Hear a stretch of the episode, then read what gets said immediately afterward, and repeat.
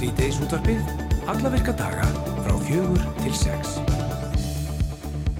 Og það er Andri Fyrir Viðarsson og Rafnildur Haldarsdóttir sem ætla að stýra þættinum í dag. Já, og við ætlum að byrja þess að öðruvísi í dag en við gerum hefbundið venjulega hérna dagana því að málmálana eru þetta fundurinn í hörpu, uh, hérna, fundur Európaráðsins og til að einhvern veginn halda ekki Sveini Guðmarsinni uh, sem er upplýsingafulltrúi hjá Utaríkisraðundunni lengi á línunni að þá ætlum við bara að heyra aðeins í jónum hér í uppafið þáttar. Sætla blessaður Sveini, Svein. Já, komið, komið í plessu og sæl. Og allt í góðu, ég er alveg tímandur að spjalla þessu ykkur. Já, hvað hérna sanga dasgráni, þá eru þau svona bara einhvern veginn öll að týnast inn og svo er hópmynd að taka bara núna bráðum.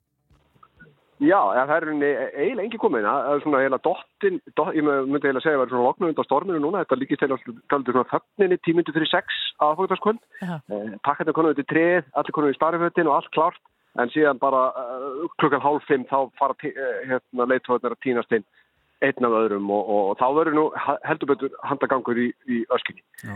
Nú að því búinu þá verður uh, oplunar aðtöfn þar sem að, að, að vera ávörp flutt og, og strengið er stiltir og síðan í kjörfari verður þessi svo kallar fjölskyldu myndidaka sem við nefndir á það.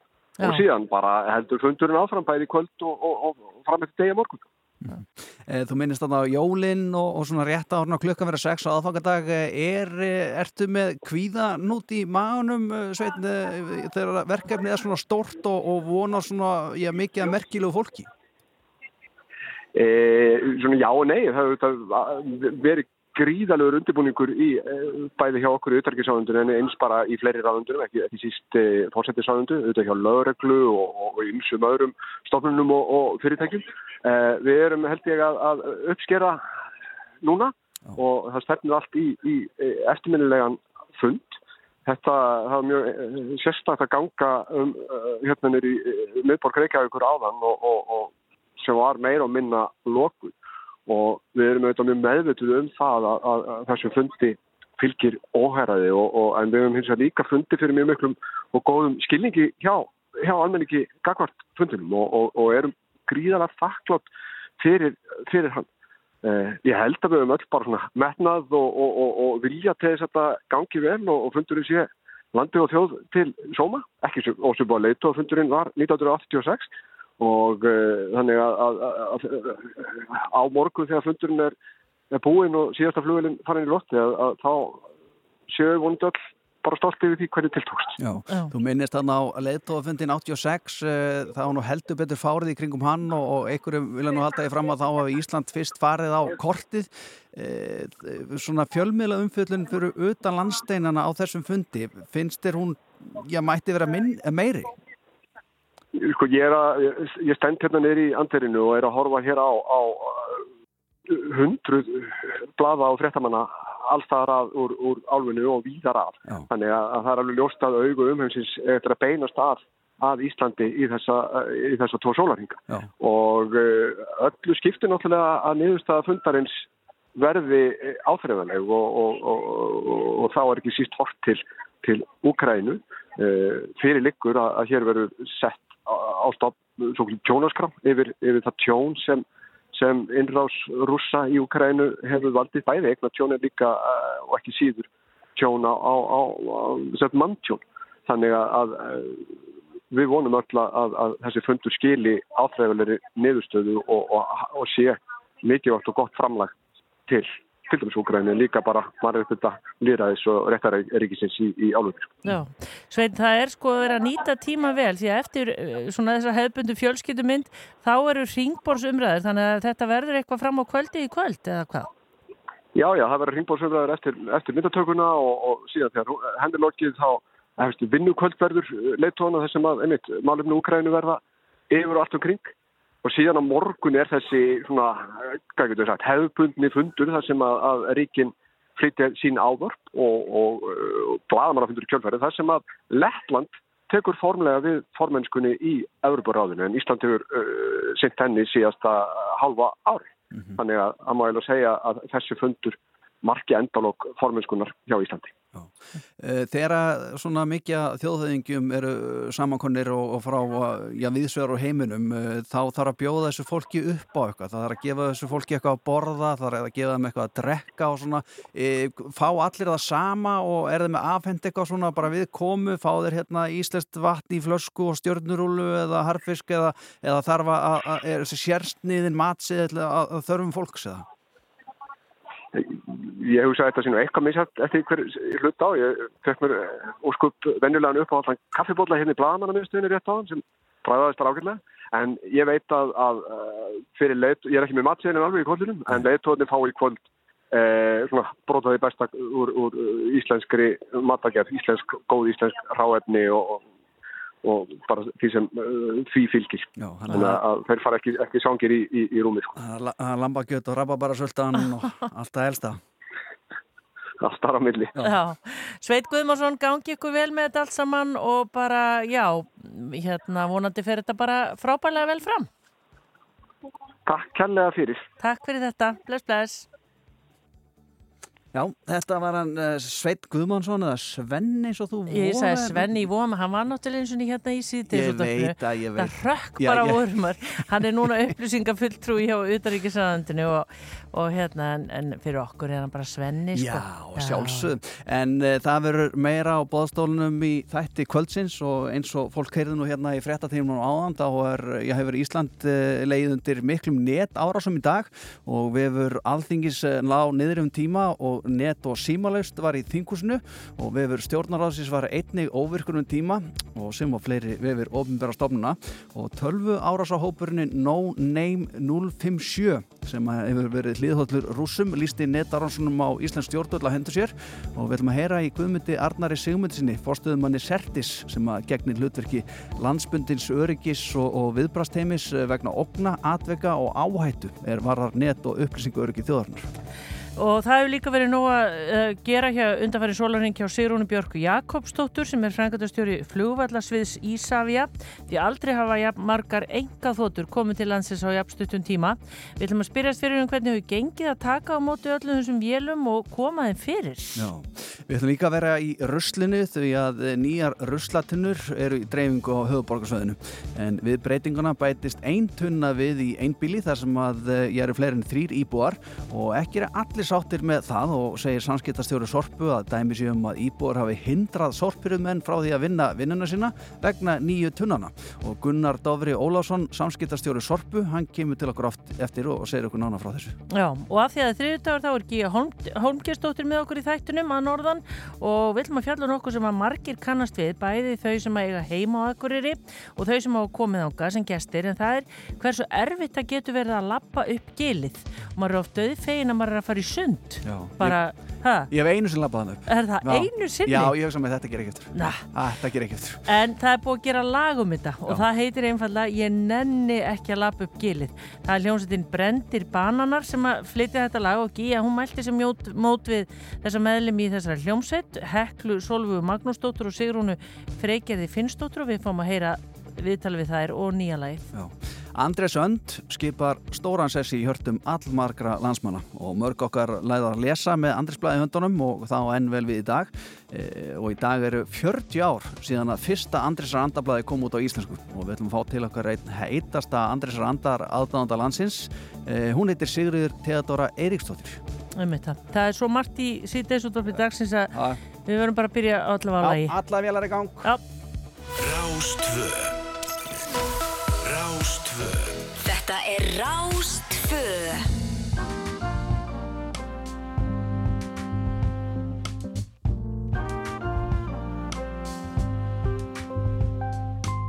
Afsakið en mætti ég Fá að ræða létt við húsfrúna. Af almættinu sendur er. Hún þarf að koma staðins út núna. Hún þarf að dilla dilla bara dansa smá.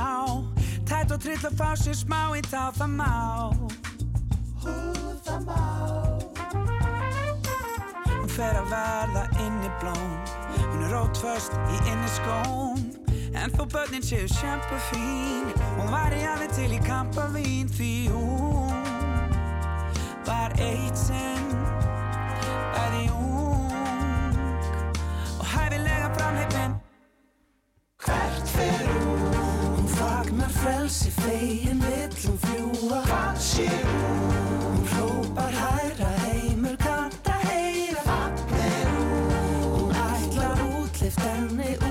sjáðu Hvernig hún svo springur út Hún springur út. Hún springur út. Hún springur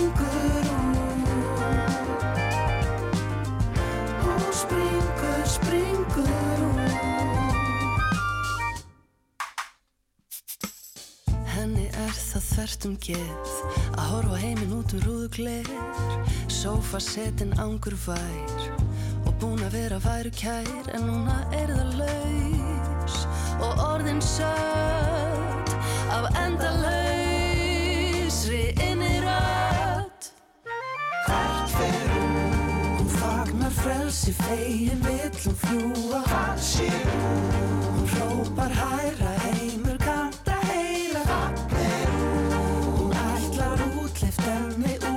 sjáðu Hvernig hún svo springur út. Afsækiði mætti ég Fá að reyða létt við húsfrúna. Og þarf að komast aðeins út. Hún fagnar frelsi fegin vill hún fljúa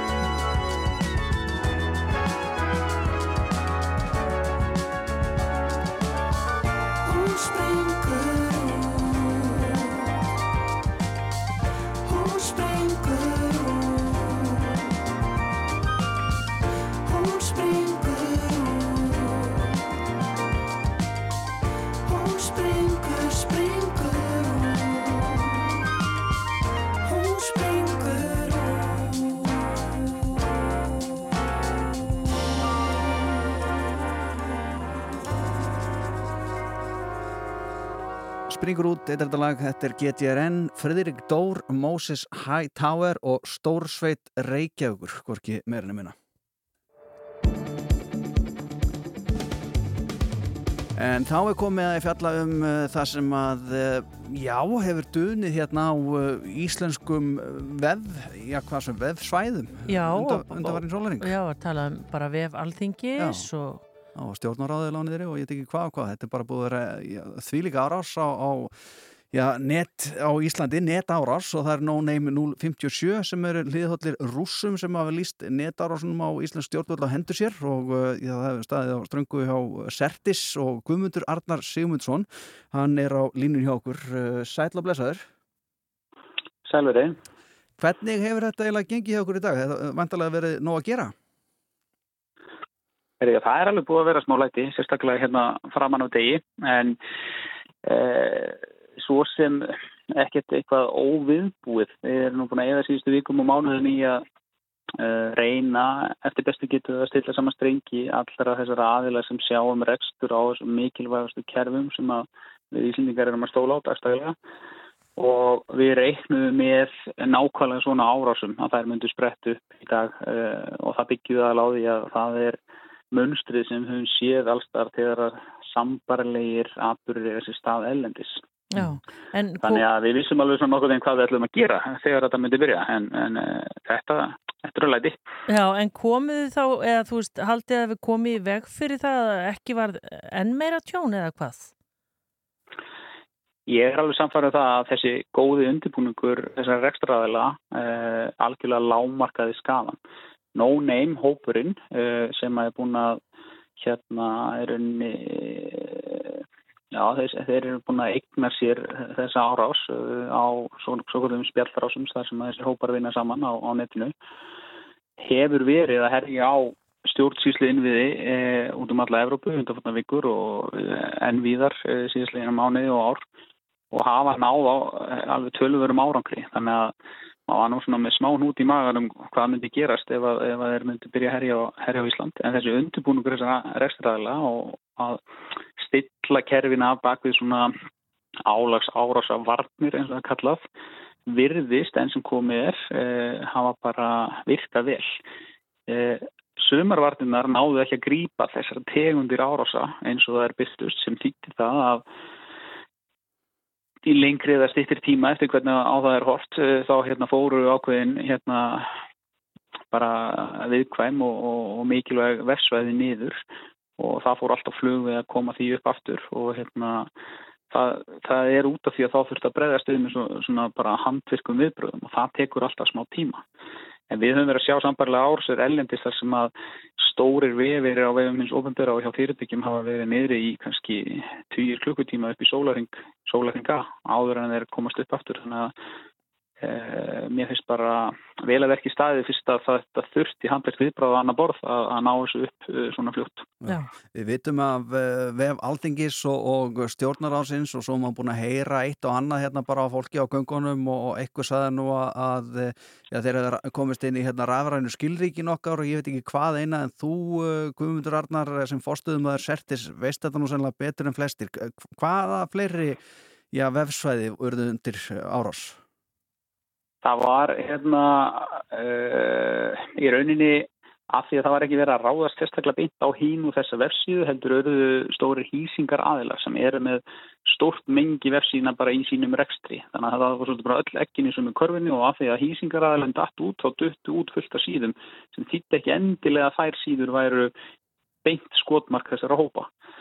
Síðan svona rétt fyrir háti, svona klukkutíma um 11 leiti, þá þá eru sambarlegar þó að þessi teknilega öðruvísi framkvæmdar eh, ára sér á hérna eh, auðkynningu inn á Ísland.is með rafrænum skilríkjum. Og mér finnst mjög mikilvægt kannski að koma því til skila núna að uh, þetta, er, þetta er svona álagsárás uh, en þetta er ekki innbrott þar sem að er brotist inn í nafni almennings eða einstaklinga hérna á, í íslenska netundaminu þannig að gögn einstaklinga voru ekki undir og ekki húi í þessu mm -hmm. heldur getan til þess að nálgast þjónustuna Já. þannig að fólk ætti að geta anda rólega og veri svona nokkuð örugt með það að rafrænu skilríkin ykkar þau eru ennþá alveg jafn gild og þau eru ekki, hvað að segja það er ekki búið að stela einn en hins vegar vil ég líka í raunin að því að undibúningur fyrir hennan þennan fund, leittóðafundin, hefur mestmægnis farið fram allavega í þessum nettheimum eh, með þessum rekstra raðilum og öllu tölvufólkin okkar og líti kannski verið hugsað til þetta að almennur Íslendingur sé einhverju hættu. En þegar að það er ráðist á auðkynningaþjónustur uh, eða rafrænskilriki þá vil ég hvetja alla Íslendinga til þess að vera ekstra varkár núna gagvart öllum auðkynningum. Það poppar upp hjá okkur að þið séu að reyna auðkynn ykkur inn á hít eða þetta kerfi verið algjörlega vissum að, að það sé það sem þeir að gera og, og, og tvítið tjekki það að þið séu öruglega að tala við réttu þjónustuna. Já. En e, sko, er eitthvað hægt að útskýra hvað liggur þarna bakið þegar þeir hérna, já, einhvern veginn eh, lýsa þessum netáru sem uh, eh, á hendur sér. Hva, hvað býr þarna bakið? Það er alveg, uh, geta verið ímsar ástæðir og svona svo ástæðum við kannski óttuðins mest var svo að, að hópar sem eru hliðhólli rúsnesku málstað og að öllum líkindum fjármagnaðir af einhvern fjársterkum aðlum eins og jafnvel ríkum e, myndu fara í árasir til þess að reyna að trubla fundin eins mikið og hægtir taka niður eða einhvern veginn skemma fyrir því að fundurinn skilja sér einhverju einhverju verðmæti eða einhverju, einhverju, einhverju verðmætri niðurstöðu. Það er svona árasin sem er beint á fundi, trublanir á leiðtóðafundin sjálfan.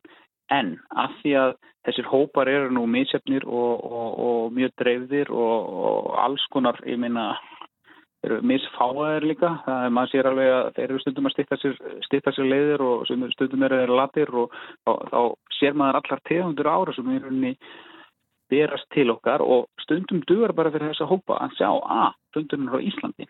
Og þá er bara allt sem er eitthvað punktur ís orðið að skotmarki í þeirra huga.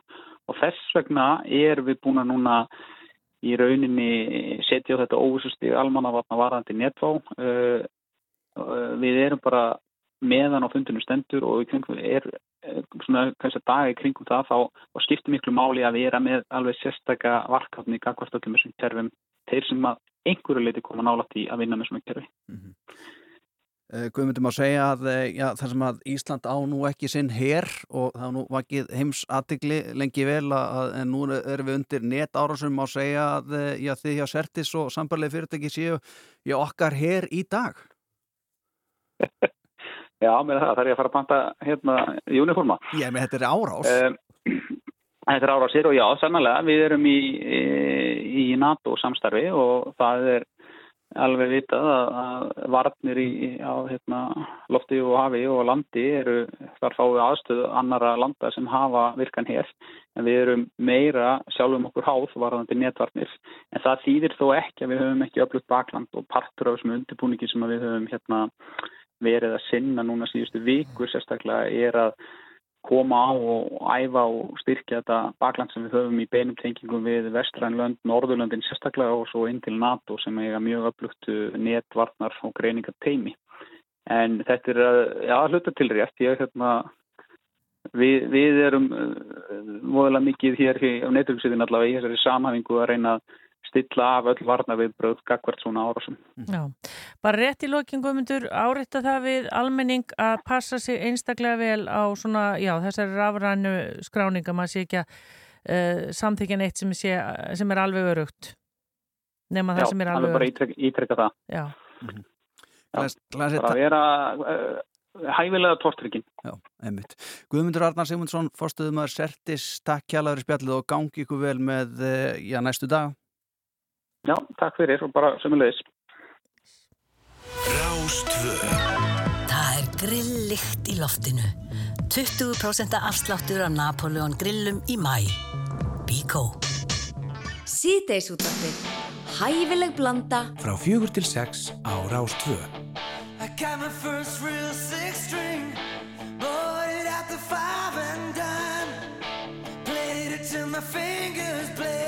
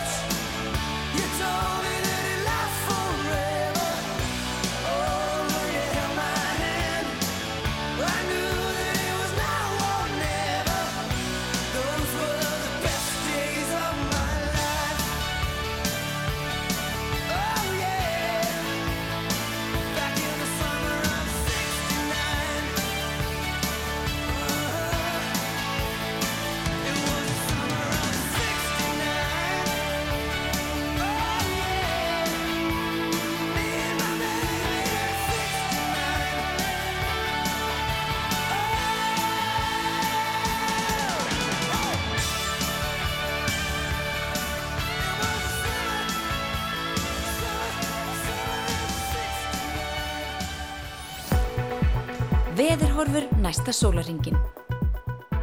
Andri, ég er eiginlega dottin út úr þetta. Ég Ég, er að horfa hérna á beina útsettingu á rúf.is. Ég er búin að Er- fylgjast með, herðu það ekki með þessi Já, nú sko er ég þessi- þekki ekki mjög marga, það er allavega engin svona sem að ég er náttúrulega ekki alveg inn í þessum. Mjög marga konur, Já, Katrín stendur þarna og tekur á móti öllum Mhm. Og maður hugsa sko, ætli hún verði ekki þreytt þegar hún leggst á kottan. Ekki í kvöld, náttúrulega verður hún mjög þreytt, já en á morgun Já, segi sig og Svenni. Já, já, þetta, þetta, svo segi ég hérna fyrirsögn á mbl.is, það mætti alveg vera smá sól en við kvörtum ekki. Já, Þannig að eh, nú spyr ég þér handur, hvernig verður þetta næsta sólhængin? já, þetta er náttúrulega, við erum náttúrulega ennþá að hugsa um það sem Einar Sveinbjörnsson sagði okkur í gerð. Bara glettilega bjart yfir sumarspánni. Þú maður vera með það svolítið í huga. já, já. En það er ekki hlýtt og það byrjaði að rigna svona einhvern tíma sko metri hátegi hér á höfuborgarsvæðinu. Suðlega átt, viða 5-13 metrar á sekundu, rigning með köplum sunnan og vestan til, yfirleitt þurft og bjart um landi norðaustavert, hiti 5-10 stig. Suðvestan 3-10, smá skúrur á morgun en lengst af bjart viður á norðaustur og austurlandi með hita að 16 stigum. Nó, það verður eitthvað að heyri í og eftir. Já, já, Esh. Vaksandi suðaustan átt og svo fyrir að rigna suðvestan til annarkvöld. Þannig að leiðtóa fundurinn, já ég er sammála því það hefði nú kannski mátt viðra betur. Nei, þetta fólk á að vera inn að vinna. Já. Fundinir eru inn, ekki úti, sko. Nei, nei, bílarnir stoppa til það bara rétt fyrir framann auðvitað ingangina hörpu. Já, Þau eru öll í úlpum og svo kemur einhver að tekur úlpuna því það er tekið myndaði með öllum hana. já, já. Já, já, já, já. Eitthvað kostar þetta nú. já, já. Ah, Við ætlum að fara að tala um nýjar sortunur sem að við Já. höfuborgarbúar erum að fara, já, fá aðfendaði, byrjað einhver staðar. akkurat, akkurat. og sitt sínis hverjum en flestir eru nána sem eru brjálæðir yfir þessu. Já. Mér langar að segja þér að á þessum degi, Ráldur, árið 1959, þá var fyrsti landsleikur Íslands í körfuknalling. Já, Gegn dönum í Kaupmannöf. Ég ætla ekki að fara með það hvernig leikunum fór, alls ekki. ha, Gaman að segja frá það líka að eh, á þessum degi árið 1963 þá fæðist Magnús Ragnarsson, leikari, og fórstöðumæður hjá símanum. Vissulega, vissulega. og rödd, er hann ekki rödd? Jú, hann er bara, maður, það er bara hann eitthvað fyrirtæki sem að ringir og maður fyrir að hólt og er makki að segja mann að slaka hans á, sko. Já, En svo er það Vestlunni Karnabær sem var opnið í Reykjavík á þessum degi árið 1966 og það er náttúrulega gríðarlega áhrif á tísku og klæðabörð ungs fólks á Íslandi. Já, og uh, svo er nú uh, Birgilifur Háþásson, Kilvingur, hann á ammali dag. Ná, já, já. og Emilian Torrini, hún er líka ammali hvað segir 77, þetta er já. dag Dóri DNA, hann er líka ammali Nau, Ég get svarið það, ég get að ljúga þessu. Og svo er það Ólafur Ragnar Grímsson fórseti Íslands og Dorit Músef þau giftu sig á þessum degi. degi. árið 2003, það er 20 ára Ha? það er 20 ára í dag. eitthvað að gera þau nú skemmtilegt í dag? Já, ég vonaði síðan nú í sama landinu svona til- tilbreyningar Já, það geti nú, kannski er þau á leiðtófundur, maður veit það ekki. Hver veit, þetta er allt? kvöldinu? félagar er að mætinga auðvitað, auðvitað. Og náttúrulega eins og sögðum hérna uh, í uppæði þáttar þá er, uh, já, 40 ár sinna fyrsta Andresar andablaði kom út á íslensku. Já. og við veitum að fjalla hans betur en það hérna eftir. Já, ég var að fá ábyrtingu hér og við frá uh, hlustanda að það er allt stopp í vógunum, það er að segja hjá húsasmiðinni, langt frá miðbænum og það er bara bíl við bíl og hún segir að ljóta orðið svo sem sendi þetta Já. að það er bara, já, það er bara virðist allt vera stopp. Já. þannig að það var fólk var nú hvað til að vinna bara heima í dag mm og, uh, en það geta það ekki allir. Nei, nei. og sumir á nú þurftu að fara eitthvað. Já. en við sendum bara bestu kveður í bílaræðunar hlustuðu bara á sítaran áfram. Já, Herra, svo er hljómsveit sem heitir Bombay Bicycle Club sem er aftur búin að búa að koma sína á Iceland Airways Eh, ég spiluði hérna fyrir 12 mörgum ára síðan stóðu sér gríðalega vel og hér er lag með þeim sem heitir Always Like This sem var svona stæsti smetlarinn að það komið fram hérna á, á klakanum á sín tíma og svo er það uh, tunnuðar Oh, she can't wait for what I can give. She knows what I am, but she won't believe me. Is it all okay? Will I come off the like this? I can't believe it. It's always like this, like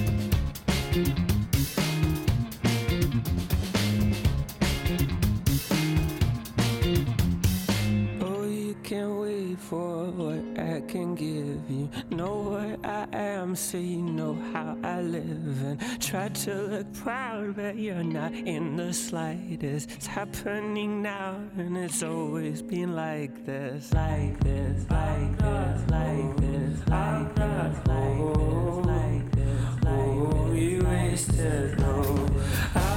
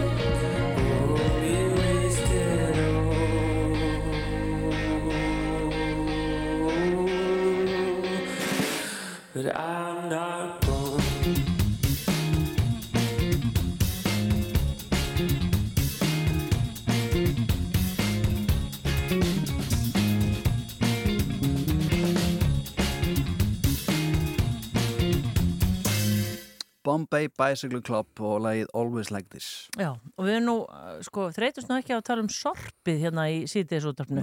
Tunnur og endurvinnslu og flokkun og alls konar þetta. og mikið hjartansmál Mjög mikið. Og það eru auðvitað að hafa borist fréttir af því að núna í vor þá er byrjað að innleiða nýtt flokkunarkerfi á höfuborgarsvæðinu og söðunessum og það er nú þegar byrjað, minnst kosti hér í Reykjavík, það er Kjalanes og, og efstu byggðir höfuborgarinnar og sitt sínins hverjum en ég held nú að flestir séu nú ánaði með þetta eða hvað, Gunnar Dofri Ólafsson sem er eh, samskiptastjóri hjá Sorpu, velkomin. Takk. Er þessu ekki yfirleitt vel tekið eða hvað? Jú, það er bara, það er svona nánast einróma lof Já. sem þetta fær. Við höfum síðan það bæði á þeim könnunum sem við gerðum hérna í bara seint á síðasta ári að uh, 65% íbúa eru bara mjög til í þetta kerfi og 20% eru svona korki nýja og það eru þessi, þessi örfáu 15% sem, að, sem finnst þetta kannski ekki alveg nósnið en Nei. það er bara, það er þannig með allar breytingar í heiminum, það, það er ekki allir alltaf sáttir við allt.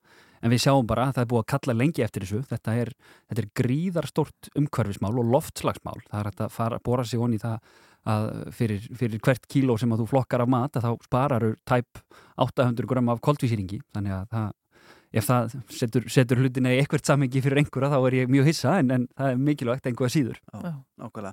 Eh, sumir eru ósátti með þetta. Hvað er fólk ósátt við að minna að fá nýja tunnur? Ekki gott að fá nýja glæsla snjallæri tunnu en var áður? Já, það þykir mér og get ekki beðið eftir að komi loksins að sko vestur, vestari í hverjum borgarana þar sem að ég er. En það eru og, og ég, hef, ég hef fullan skilning af því að það kemur einhverjum kannski óvart þegar það kemur ný tunna og eitthvað svo leiðist. Þó svo að aftur sem að vísi í kannanir 90% af þeim sem við spurðum vissu af þessu í november og síðan þá höfum við eiginlega ekki gert annað en að tala um þetta. Þannig að það, það þú, þú, fólk ætti að vera orðið svona nokkuð meðvitað um það. Það eru að fara að verða smá breytingar og það er gætu jafnvel kallað á það að þú leggir á þig það að byggja nýtt sorptunskil Mhm. það ætti svona að vera það stæsta sem þú þarfst að fara út í. Já. og, og fyrir, fyrir hérna já, þú, og það er þá aðalega við einbílishús, sérbíli og ef þú ert, ert á þeim stað í lífinu þá er sorptunskili ekki stóru útgjöldin í lífinu. Þau eru, þau eru ekki, ekki, hérna, ekki, ekki teljanlega dýr. Nei, en bara svo við útskýrum þetta, þá Já. eru sagt á hverju heimili, þá eru sagt, eru fjórir flokkar. Akkurat, og, og það, er ein tunna og hún er holfuð. það eru, þú ferð alveg sko, alveg minnst nýri tværtunur, það er ekki hægt að koma þessu fyrir í Nei, ég var að mynda að hugsa, okkur fannst það svolítið lítið Sko, hérna. ég, ég hef komið, ég fór til Gautaborgar fyrir nokkrum árum og þar voru áttaflokkar í tveimur tunnum Já. og ég, hérna, það var, það var við svimaði þegar ég sá það en það voru hólf og svona snúningsringtork liggu við og bara, hérna, þú þarfst að setja frímerki á þetta og allt svo leiðis uh, en, en þetta, þú, þú, kemst, þú kemst aldrei upp með minn en tvær tunnur og það er þá ein fyrir matarleifur og blandaðan úrgang og ein fyrir pappir og plast. Vandin er hins vegar sá að þessi tvískipta fyrir pappir og plast ef þú ert með, ef það eru fleiri en þrýr í heimili þá er plastið svo mikið að það festist í tunnunni. Þannig að það er, það er al, í algjörum undantekningatilveikum og ég held bara í Reykjavík sem að það er í bóði allavega svona fyrstum sinn. En svo þegar það verður komin smá reynsla á þetta kerfi þegar við verðum búin að, búin að kynast í hvernig maður á að taka matarleifarnar og allt þetta að þá getur fólk sett sig í samband við sitt sveitafélag og sagt, heyrðu, ég þarf bara meira pláss fyrir pappirinn eða ég þarf ekki svona mikið pláss fyrir matarleifar. Getið losa mig við blönduðutununa og, og stóru og láta mig hafa tvískipta í staðin. En tvískiptu verða eins og ég segi þær verða bara í bóði í sérbíli Já. í fjölbílinu þá er, er, er stólað á gömlu góðu tunnunar og þá verða, verður alltaf að lámarki fjórar tunnur Já. við hvert hús Þú talar um að þú getur ekki beðið þetta að koma í svona vestari hverfi borgarinnar Mhm. mm þá takið þetta eftir einhverju kerfi byrjið eitthvað staðar og endið eða hva- hvar eru stati núna þá? Já, uh, sko, Sorpa svona heldur utanum um, hérna, heldur utanum þetta en sveitafélagin er að framkvæma þetta þannig að við, þetta, er, þetta er alveg svona risavaksi samstarfsverkefni og hefur gengið bara ótrúlega vel það hafa og, og keirt á forræði sambands sveitafélag á höfuborgarsvæðinu sem að bara, þetta er algjört svona krúnu djásni í það sem við erum að gera.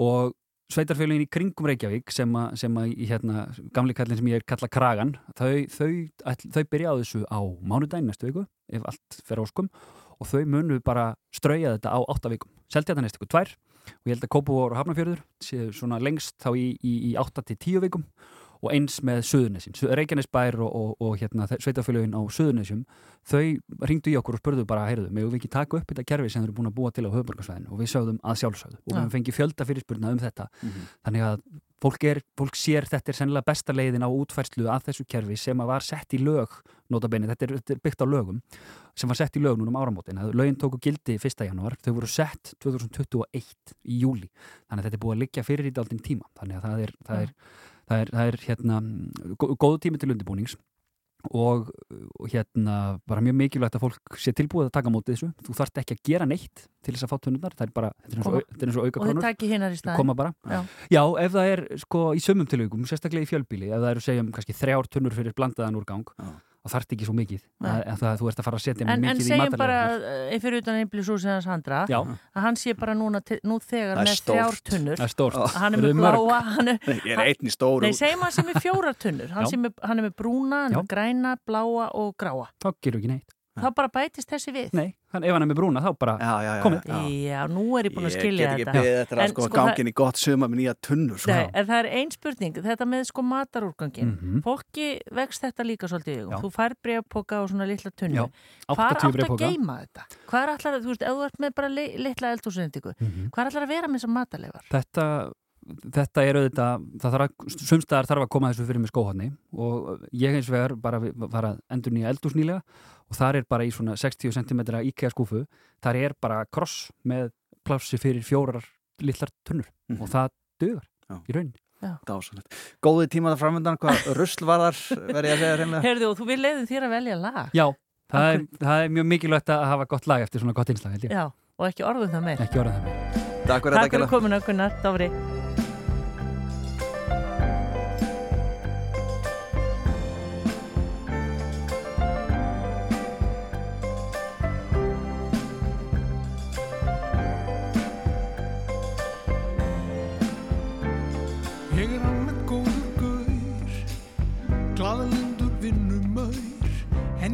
mitt andrými, allt nokkuð landrými. Ég vil ekkert vegan bull, ekkert mjölkur kaffisull, en ef ég nefni það, fer góða fólkið strax af stað. Sorry með mig, má maður aldrei neitt, sorry með mig, leiðindi út í mig Við getum pakkað saman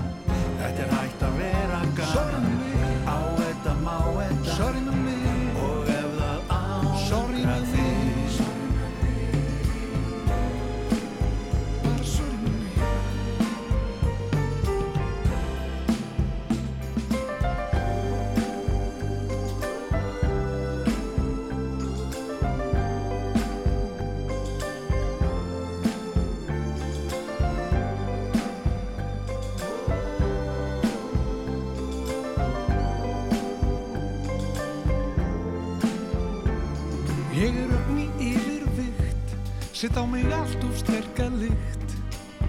Ekkum á díselbíl Fekk hann á fínum díl. Kýs flokkin minn á laun En ég flokka ekki bön Kraftur í kettlinu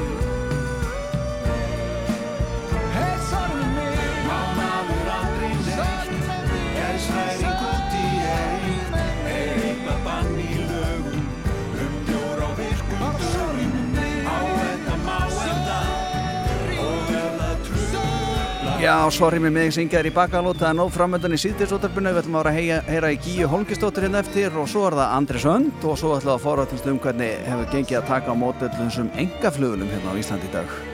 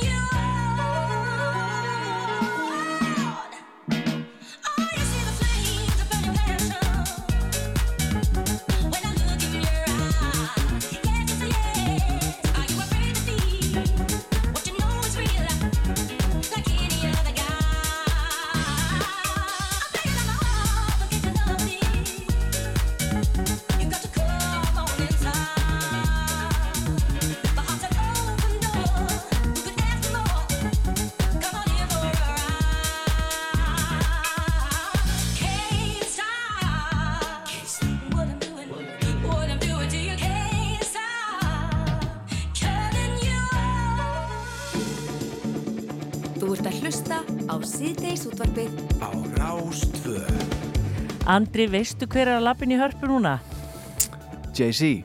Emmanuel Macron Akkurat núna að kissa Katrínu. Hvað seg, rembingskoss? eða? Nei, svona hlið svona Já, já, já. vanga, Já, bara svona franskan. Já, og nú, tak, nú takaði mynd hérna. Tók hann báðum Á, megin? Já, já, þetta er frakki. Já, ég veit það. Magna Svona verð ég, ég er alltaf, er svona hálf í þættinum hérna.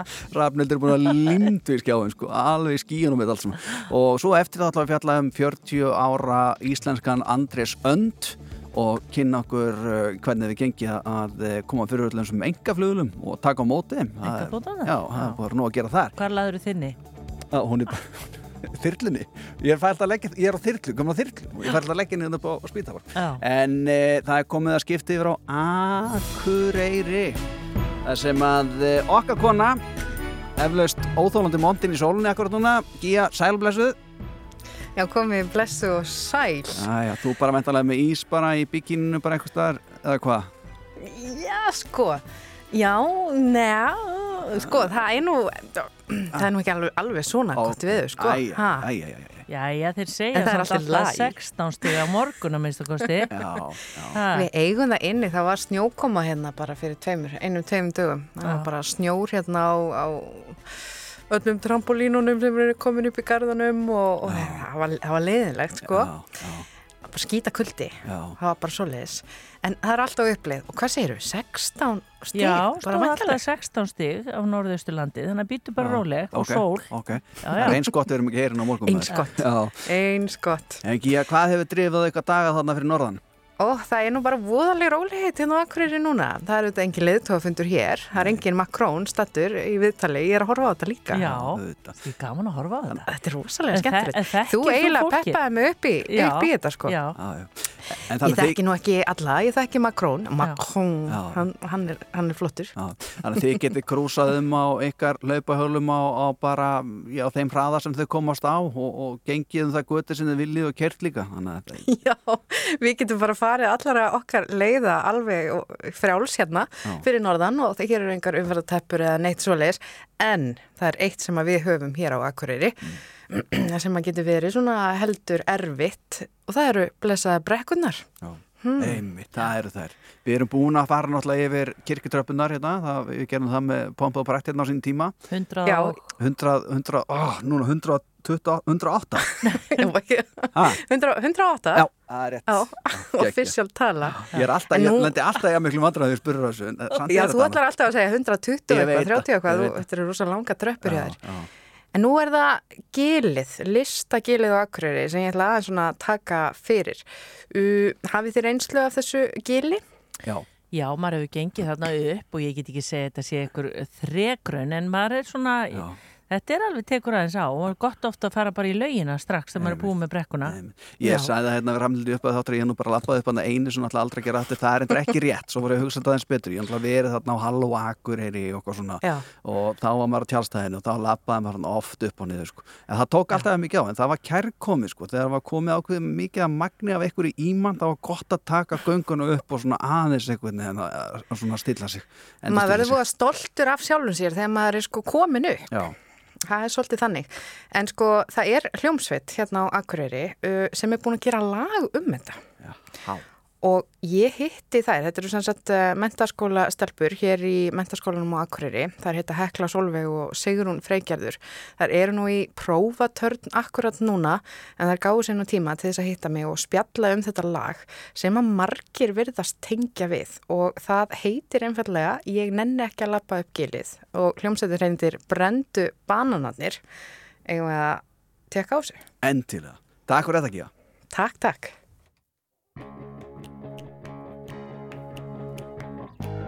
Hæ, ég heiti Hekla Solveig Magnúsdóttir og ég heiti Sigrún Freygjörður Finnsdóttir. Við stöndum núna hérna í gilinu á Akureyri og þetta er svona gata sem að leiðir frá miðbæ Akureyrar og alveg upp að sundlauginni og þið eru búin að búið til lag um þetta gil eða sem sagt hversu leiðilegt það er að- lappa upp gilið. Ég nenni ekki að lappa upp gilið heitir það með brendu bönunum sem er hljómsveitin ykkar. Ég nenn ekki, ég nenn ekki, ég nenn ekki að Er allt og brætt og ég næstum datt og ég vil komast heim í síman Ég held við vorum einmitt að lappa upp gilið og þá sagði Hekla, hvað, við, verðum við ekki að semja lag um hvað er leðilegt að labba upp gilið? Og ég sagði, jú, auðvitað, þetta er góð hugmynd. Og við byrjum með mitt svona á því, þá þá. Töldum upp hvað er, já, allt við gilið, einhvern veginn. Hekla, segðu mér hérna eins meira frá þessu lagi. Já, uh, þetta fjallar um hvað það er ógslag leiðilegt að labba upp gilið. Og maður nennir því aldrei.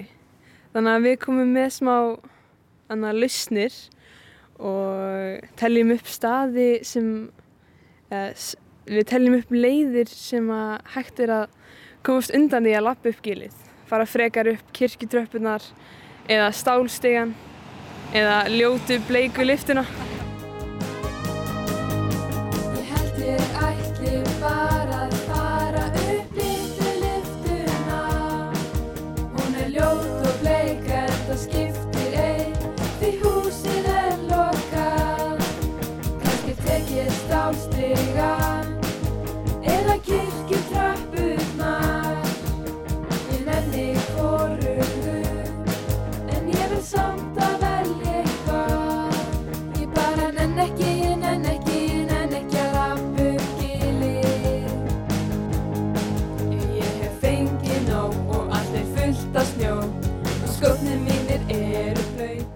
Sko, það vitur allir sem eru að hlusta hvað kirkjutröppunar eru. Það eru svona kenniliti. En stálstígin, uh, segið mér hvað hann er. Uh, hann er fyrir bakvið listasafnið og röpp veitingastæðin og fer upp anna, um, skátagilið. Já, já, já. já. Eh, Svo er það ljóta, eða segðu ljóta, ljóta bleika liftan. Hvar í ósköpunum er akkurat bara búin að setja upp liftur til að komast fram hjá listagilinu? Já, það er hérna í einu húsi sem er 5-6 hæðir eða eitthvað. Það er ein lifta, nema hún er mjög lítill og gömul og var bleik. Og við svona, einmitt, það var það sem við hugsaðum fyrst, við hugsaðum, að við, af við verðum að koma þessari liftu í textan, því við höfum tekið þessa liftu mjög oft til að forðast að lappa upp gilið. Já. En sko, þið gáðu þetta lag út núna bara nýlega. Um, hafið þið fengið mikil viðbröð? Tengja margir við þetta? Já, ég held það sko. Við erum alveg búin að fá eitthvað smá sko. Ég held að sé, það eru mjög margir búin að sjá þetta. Það heklaði um þessi þekkt þegar hún var að lappa upp gýrið. Það spurði hann kallaði á mig. Já, kallaði á hana. En svo nennir ekki að lappa upp gýrið. Nenn ekki, nenn ekki, nenn ekki að lappa upp gilið. Hvort er betra að lappa upp eða niður gilið? Það er, ég held að sé en lappa niður gýrið sko. Já, sammála. Það er betra, betra að lappa niður gilið. Já. Maður lappa svo rætt og það er svo töff að lappa svona rætt sko. Já.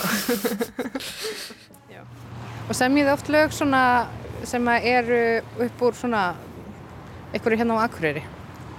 Já, eiginlega. Svolítið brandið okkar núna er eiginlega bara að vera frá Akureyri. sem er kannski ekkert eitthvað rosa gaman. en jú, jú, það er alveg gaman. Eh, Anna aðeins svona til þess að slúta þessu. Við erum á Akureyri, þið semjið svona um Akureyri, eh, þið eru frá Akureyri. Hver er svona uppáhaldstaðurinn ykkur á Akureyri? Takla. Um, örgulega bara gilið, sko. Mér- Það er bara uppáhald staðnum minn. En hvað á ég að gera ef ég nenn ekki að lappa upp gilið? Þá kemst ég aldrei heim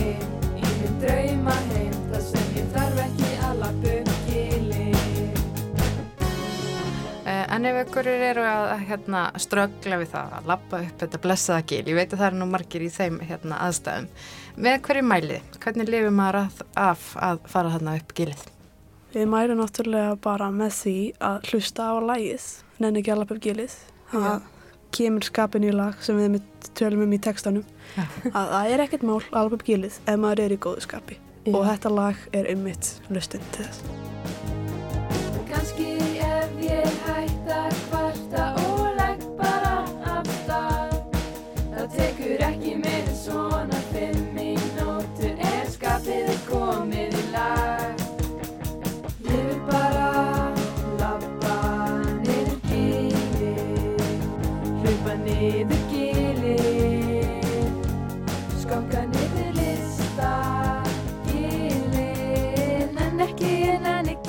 En stelpur, uh, Hekla Sólveig Magnúsdóttir og Sigrún Freygerði Finnsdóttir, takk fyrir að hitta mig hérna í Gilinu, besta stað á Akureyri og takk fyrir spjalli og gangi ykkur vel. Já, takk fyrir okkur.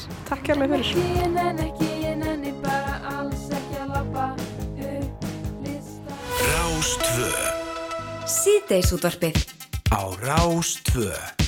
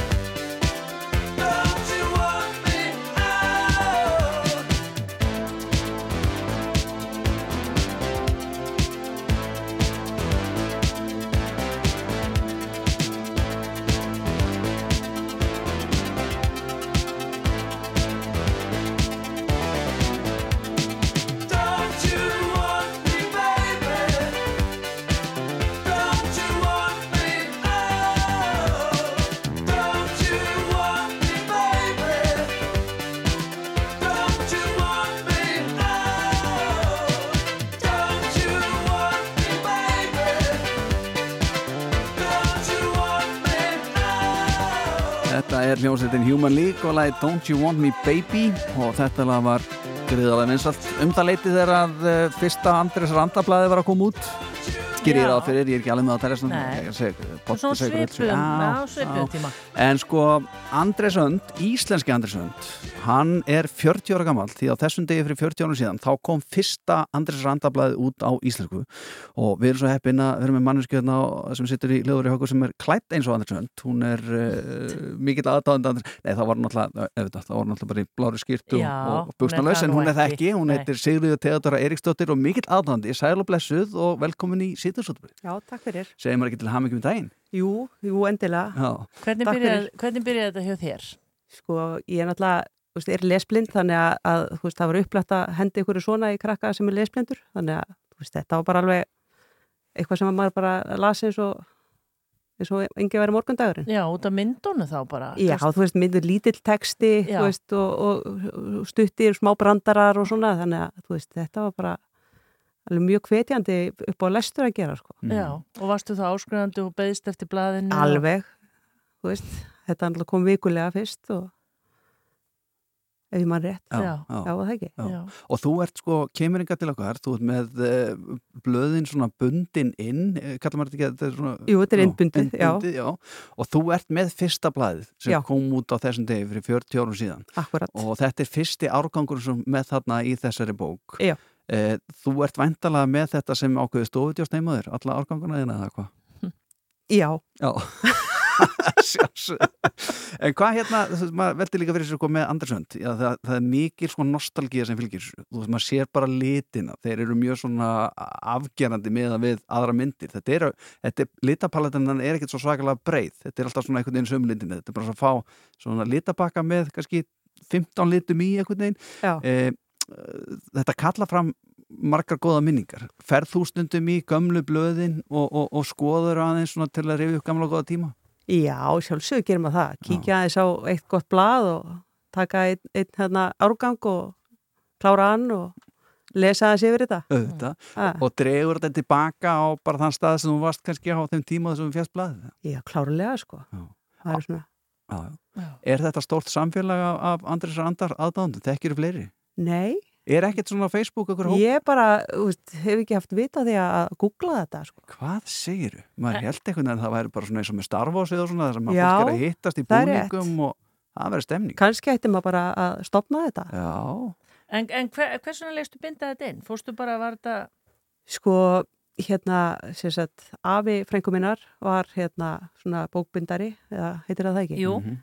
Og hérna, pappa fannst þetta bara svo, þú veist, hann átti áfanga hérna alla innbundna og hann fannst bara að þetta bara skemmist ef, að, ef þetta er ekki bundið inn Já. og hérna, ég held ég, ég sko 30 bækur eða meira sko un- innbundið og svo restin er í möppum sko. Já, og hvað eru, hvað, hvað eru mörg blöð í hverju Eh, bók? Tíu í hverju bók, svo fór að bæta í að þetta er náttúrulega dýrt að gera þetta sko, fór Mm. að vera tólf en svo þú veist að óheppilegt að hafa of margar mörg blöð í hverju til að geta haft þetta sem, sem sagt, bók á þess að þetta sé óþjált. Mhm.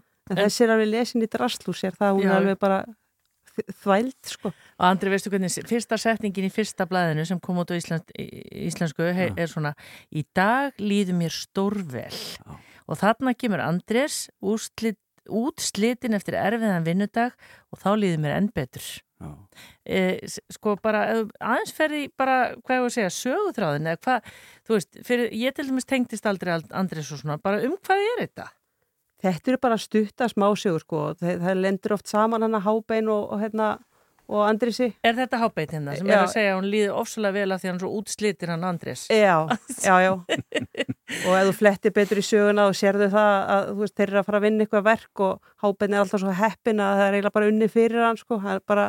Það gerist alltaf sjálfu sér og, og hérna, mér fannst, þú veist, Andris alltaf skemmtilega eftir, ég fíla ekki mikka mús sko, hann er, þú veist, það er ykkur sögur af ykkurum af þessum Disney karakterum í, Mhm. í öllum blöðum sko og ég tengdi aldrei við mikka sko. Nei, en Andrés var þinn maður. Já, algjörlega. Er, myndir þú segja að það væri eitthvað svona, mm, svona dölinn pólitík í þessum blöðum? Nei, Ekki? get ekki sagt það. Jóakim svona ríkur Jú, jú, jú, það er náttúrulega, ekki, hann ja, smá Jó. svona, Nískur, já, ríkur og já, nískur. Já. Já, já. já, já. Svo fórum að, sko, þú veist, þegar að, hérna, þú veist, þegar þetta kom meir í sjóarpi, sko, hérna, andabær, það var náttúrulega alveg, Já, mitt. maður drakk það í sig, Það sko. var geggja, sko. En hvað með þegar komu hérna, mannst þetta er tyggjónum, sem var að svona, var svona myndir með? Já, algjörlega. Það hefur verið alveg Andris bara... að anda tyggja á maður. Já, Gastu fengið mynd og svo, Já. gastu, hérna, Já, svona steimpileikunar. já, tattu er þetta á þig og... Sleikja á sér handabæki og smetla þess á maður. Geggja, sko. Sýri, ertu ekki búin að pæla í því, sko, þú veist, þetta er náttúrulega, þetta er verðmæti, þetta er fyrsta blaðið, ég menn þessi mappa sem ég held á hérna, uh, þú lítur að geta, þú myndir geta fengið bara fullt af pening fyrir þetta, ef þú vildir selja. Ef ég vildi selja, sko. Þú er- alls ekki. nei, nei, Nei. þetta er bara, þetta er bara einleik fyrir börnin, sko, Já. að geta selt þetta, sko. Já, einmitt, einmitt. Þetta er arfurinn. Þetta er arfurinn, klárlega, sko. En það er náttúrulega bara frábært að geima þetta svona vel, því þetta væri örgulega bara ónýtt ef þetta, þetta verið svona fallega innbundið. Já, þess að ég segi, þetta var sko lesið í drastl. Já. Það komu hérna frændu mínir í heimsóknu og þeir lásu, veist, fengu alltaf að fá með öppurnar og lesa og svo sátu þeir bara og svo, svo fyndið þeir flettu sko bókunum mikið varlegra heldur en heldur en ef þetta var í möppunum Já, einmitt. Þetta var alltaf passa rosalega vel og Já. þar að leta er þetta svona bara góðu sér standi. ekki á þessu, Andri, þetta hefur Nei, verið lesið í drast. það. Það er bara vel með. Það liggur það að sé svona ennþá svona ný lykt af þessu. Já. Það liggur við, sko. En svo eru margir sem að e, voru mjög hliðallir e, dönsku blöðunum og lærður hreinlega bara að, á dönsku, lærður dönsku með að lesa dönsku blöðun. Varst þú þar? Nei, ég komst, ég var, eins og ég segi, bæði, þú veist, lesblind og með Já, glemdi því, sko. Já. ekki alveg, alveg að gera sér, sko. Þetta Já. var alveg algjört gull fyrir mig að fá þetta á íslensku, sko. En hjálpaði þér þetta við lesblindina? Eða? Ég myndi halda það, sko. Já. Algjörlega, þú veist, að bara að lesa er náttúrulega hjálpar, því, sko. Og því, því meira myndum, því betra? Nei, algjörlega. Já. En svo eru hópar af fólki, ég tala um danska Andresinn, sem að e, er bara mein illaðan íslenska og vilja bara hafa þetta á dönsku. Ég Já, tala- finnst hann illa þýttur líka? Já, einmitt, ég tala um eitt prófessor í dag sko sem að er mikill Andresar maður og var að segja hann frá þessum tímamótum og svona aðeins að ræða hann um þetta og hann bara, ég hef aldrei opnað íslenskt Andresblad, aldrei og mun ekki gera. Hugsaðir. Já. Við erum Já, ekki já. þar. Nei. Nei. En, en hættur þú svo, varstu hættir að sirputna komu? Nei, uh, ég bara varð aldrei áskrifað til þeim, uh, ég man ekki hvað þetta er 97 eitthvað sem að ég hætti, bara ansið lengi áskrifað þetta sko. Þetta er, Og þetta er bara svona eins og að segja hún að hætta bara sigur eitthvað, þá hætti ég bara, þetta hefur verið stóra ákvörðum bara. já, já, já, já. Ég minnir að þeir að fara að gefa út veist, færri blöð sko. Það fór að vera á tveggja vegna fresti ef maður rétt. Mhm. Svona alltaf bara fólk komið í tölvur og síma og Já, glata. Þetta er svona, uh, við skulum fara að segja þetta gott, Sigriður Theodor Eiríksdóttir, uh, aðdándi Andrisar Anda, númer, já, svona topp 5 hérna í Íslandi myndi ég segja. Uh, við vonum svo sannlega að einhver, jafnvel þú, stopnir hóp á Facebook eða eitthvað staðar sem eru aðdándi, Hlýtur að vera til, býtu Andri, ég ætla að gá hérna, Andris Andar, klúburinn. Til, kannski þetta ekki það, við skulum sjá hvað hún finnur hérna. Klúburinn. Og hættur hún að horfa þess á hverju er að mæta á fundin. Já, ég sé að Guðinni fórseti komin. Já, ok, hún er að horfa með öðru augunum, glæsilegt, já, já. Nei, Andris Andar leikandi, við finnum út úr þessu. Já, við finnum út úr Og setjum við Sigriði bara automatist í klúbin. Já. Takk fyrir þetta og enn oftur til hamingi með eh, 40 ára amali íslenska Andris Randar. já, þakka kjærlega fyrir.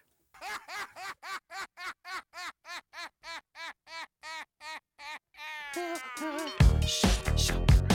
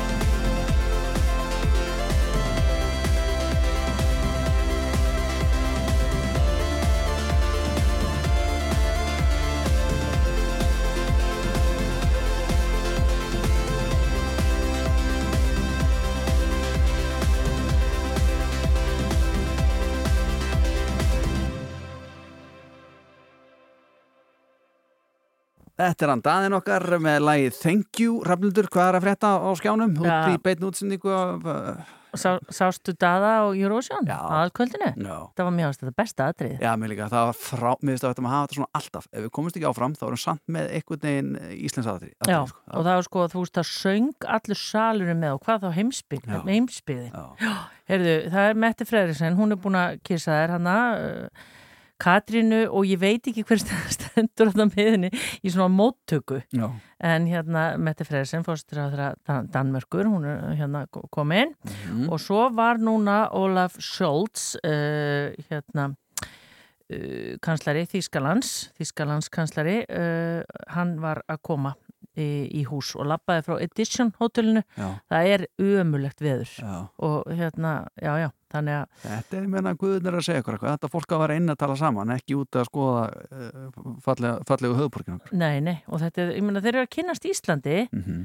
og svona er bara Ísland. Það getur verið að fegra þetta neitt. Ég hef myndið að horfa hérna á mynd á MBL af, af Katrin Jakobsdóttir og, og Metti Fredriksson og það er hérna að hitta sko og það er bara eins og þetta sé bara bestu þetta er bara sem við myndum hitta bara óvænt bara í Tókjó bara. Er þú hér? Vá! Bara svona, það er því líka famlaði sko. Þetta var svona, að koma okkar gott út úr þessu Já. en við ætlum að fara að fórrætnast um það hvernig við gengið að koma fyrir öllum þessum engaflugulum og að taka mótiðum og, og hvernig e, já, það fyrirkomulag er allt saman Já. hérna rétt eftir Erðum lagt hlið við hlið. Rástvö, síðdegisútvarfið. Á Rástfö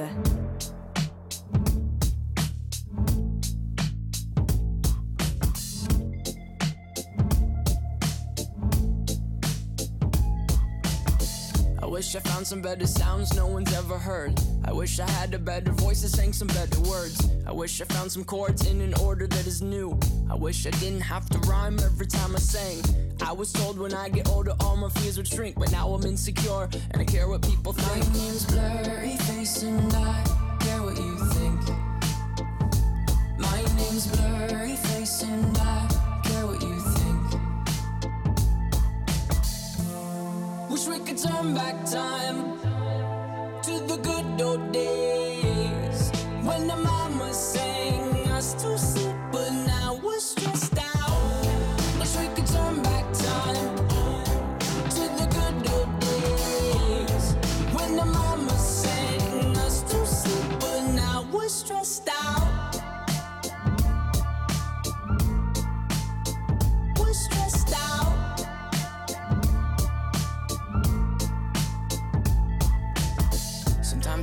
Smell will take me back to when I was young. How come I'm never able to identify where it's coming from? I'd make a candle out of it if I ever found it. Try to sell it, never sell out of it. I'd probably only sell one. Maybe to my brother, cause we have the same nose, same clothes, homegrown, a stone's throw from a creek we used to roam. But it would remind us of when nothing really mattered. Out of student loans and treehouse homes, we all would take the ladder. My, my name's Blurry Face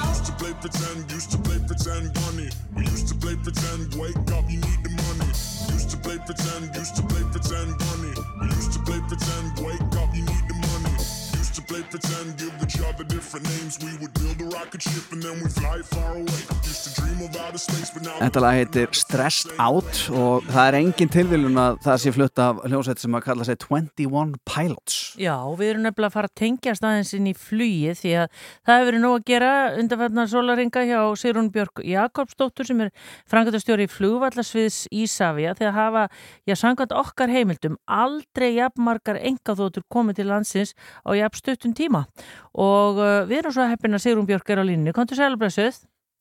Sælablessuð. Hvernig er búið að ganga í dag? Þetta er búið að ganga alveg ótrúlega vel. Þetta við gengið eins og smurð vel. Við höfum fylgst með velunum alveg frá því að fara frá brottfarastæði í Evrópu og þangu til að lenda hér.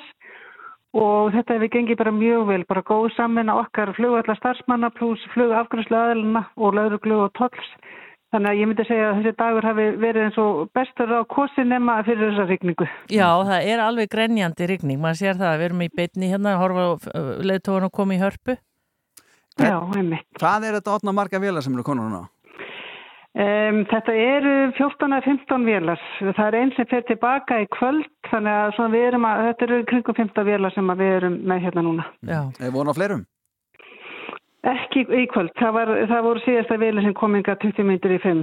Já, en á morgun, Það er, flakkarnir. er þá ekki flestir að vera komnir eða hvað?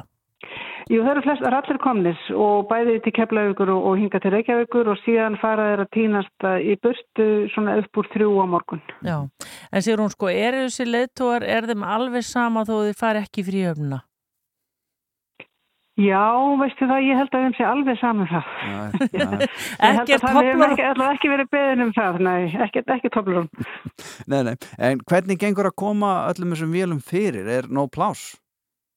Já, það er nú pláss. Við erum með ágæti stæfi hérna sem að er kallað básar hérna í daglegu tali og þar er það náttúrulega þétt raðað en þær komast vel fyrir og, og, og fer ágætlega um þær og síðan verður fyllt bensin á það núna í, í kvöld og, og nótt og þær verður tilbúna til brottflugs á, á morgun. Já, og svo er náttúrulega fylgst með þeim, er það ekki vaktað í alla nótt eða hvað?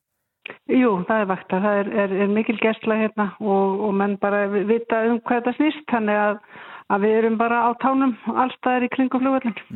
Þurfið að kalla át auka mannskap á svona dögum?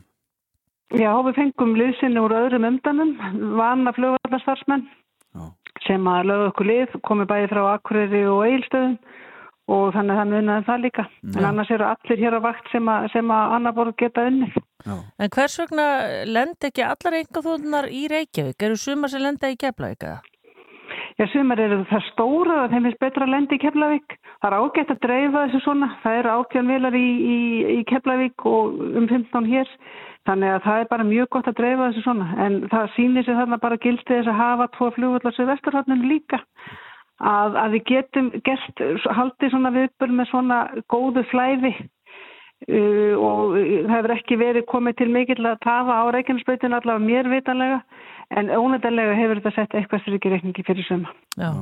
Eh, hvernig er það með flug eh, áhuga fólk? Eh, Hefur það verið að, að, að eh, já, svona, gæjast yfir gyrðinguna hjá okkur og, og skoða þessar velar? Já, já, auðvitað, þetta eru, þetta eru glæsilegu floti og, og hér er mjög öllu grassót á Reykjavíkuflugulli sem að fær ekkert að fljúa í dag og á morgun út af þessum fundi. Þannig að þeir nota tækifæri náttúrulega að skoða þessar velar frá gerðingun út, fyrir þetta gerðingu. Já.